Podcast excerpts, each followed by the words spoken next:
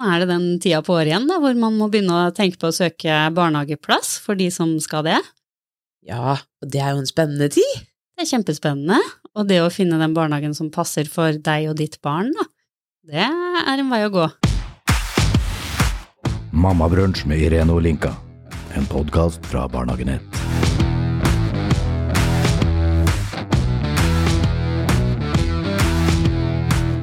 Det er en vei å gå, og jeg tenker at eh, det å utforske litt og sjekke hva som egentlig passer for dere, hva dere er interessert i, hva, hvilken type barnehage man har lyst til å Mm. velge. Vi har jo vært gjennom den prosessen, både du og jeg, for ja. ja, ett og et halvt, eh, to og et halvt eh, år sia. Ja. Og det, jeg husker jo den tida godt, for det er, det er en jungel eh, av barnehager å velge i.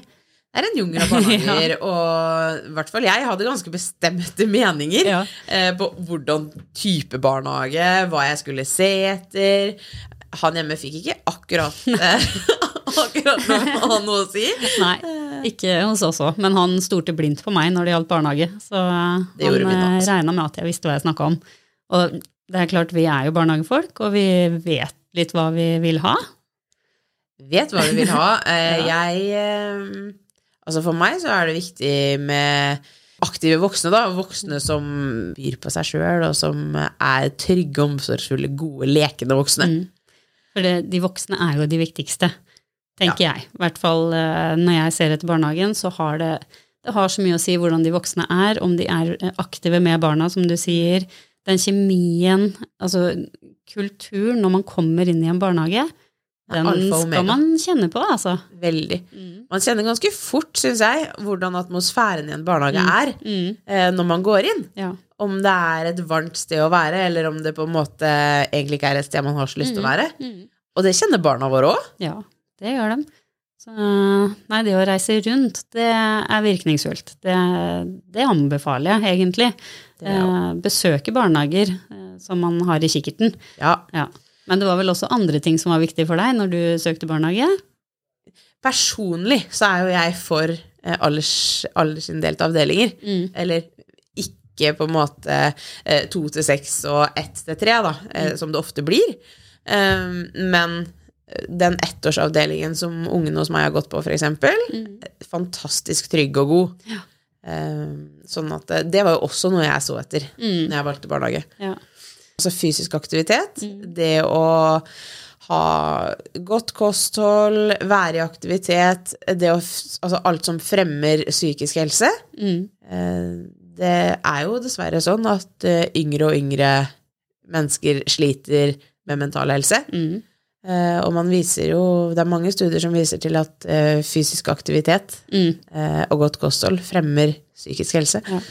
Og barnehager som er godkjente helsefremmede barnehager, da. Ja. Det kan man jo gjerne se litt etter. For det, de skal jo bevisst jobbe med det her. Det skal man. Alle barnehager skal jo det, men de er jo godkjente, altså de har opplegg på det. Det har de. Og man har fått en godkjenning ut ifra folkehelsas ni kriterier, er det i Østfold i hvert fall. Mm. Eh, eller det som var Østfold. Ja. Blir Østfold. blir Østfold.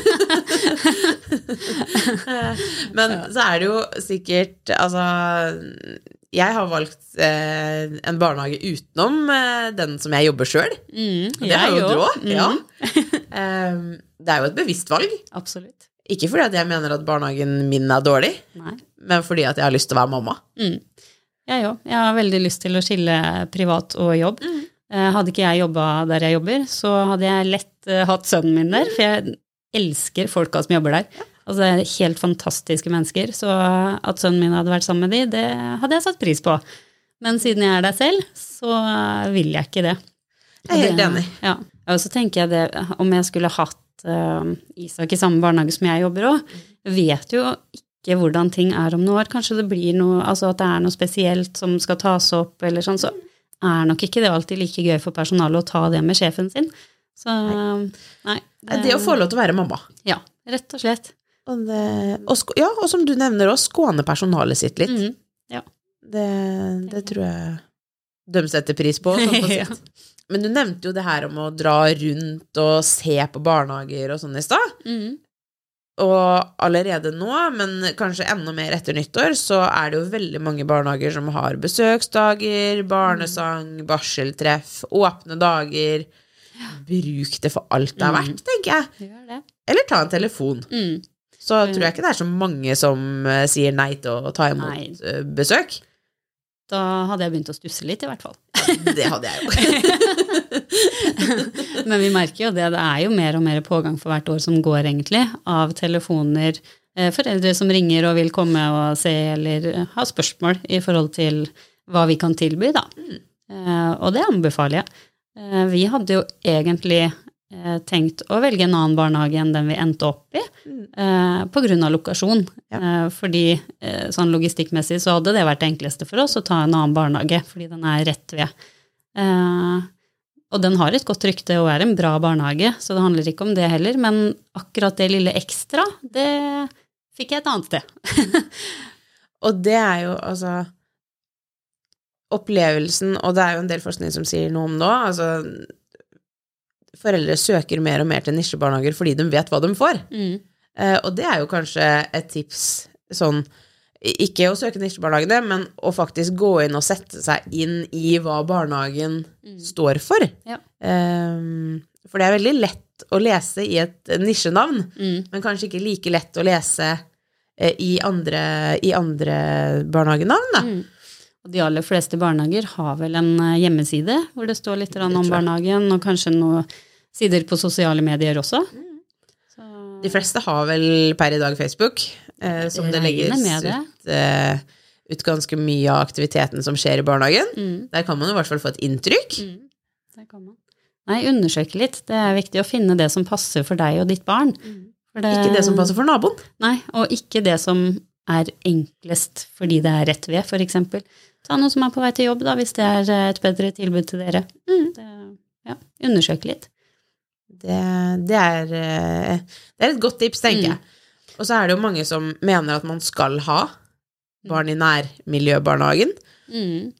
Jeg har også forståelse for det, Mm. eh, men det er mange tiltak man kan ha for Altså opp mot skolestart, da, Ja. for at barnet fremdeles skal kunne ha venner som starter på skolen sammen med seg, eh, annet enn å gå i barnehagen. Mm.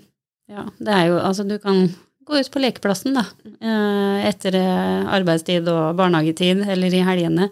Så blir du jo kjent med naboene rundt. Det gjør du, eller gå på eh, nærmiljøs lek og aktivitet, ball, ball, altså hva det enn Mm. skulle være. Og så er det jo søknadsfrist, da, for å søke barnehage. Den, Og den kommer fort. den kommer veldig fort. Det er søknadsfrist 1. mars ja. for oppstart på høsten. Mm. Og det er jo ikke alle som eh, er klar over. Nei. Så det er jo viktig å få med seg. Mm. Det det. Man eh, søker jo ved å gå inn på kommunens sider, Mm. og der eh, er det ganske godt forklart Ja. hvordan man, hvordan man søker, men man må ha bank-ID ja. for å man. identifisere seg. Ja. Mm. Og så legger man Det er vel minimum to ønsker i noen steder, og så er det tre i noen byer. Eh, Og da er det jo viktig å tenke på at du legger inn i prioritert rekkefølge. Ja. For det er jo den du har på første, som du blir um, Prioritert hos først. Yes. Ja.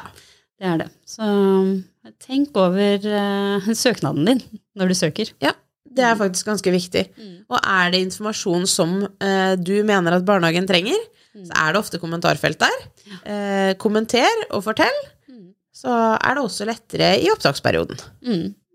Og så er det jo også sånn at når man søker, eh, så er det jo oppstart eh, i august. Noen har 1. august, andre har 15. august. Ja. Så det også er jo litt viktig å tenke på, at man holder igjen kanskje litt eh, feriedager eller permisjonstid hvis man har noe igjen av den, da.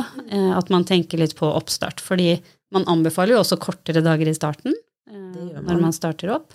Og vi ser jo virkningen av det òg. Mm. Sånn at, eh, og alle har, vi skjønner at ikke alle har muligheten, men det er et tips å ta med seg. da. Ja, hvis man har mulighet. Mm.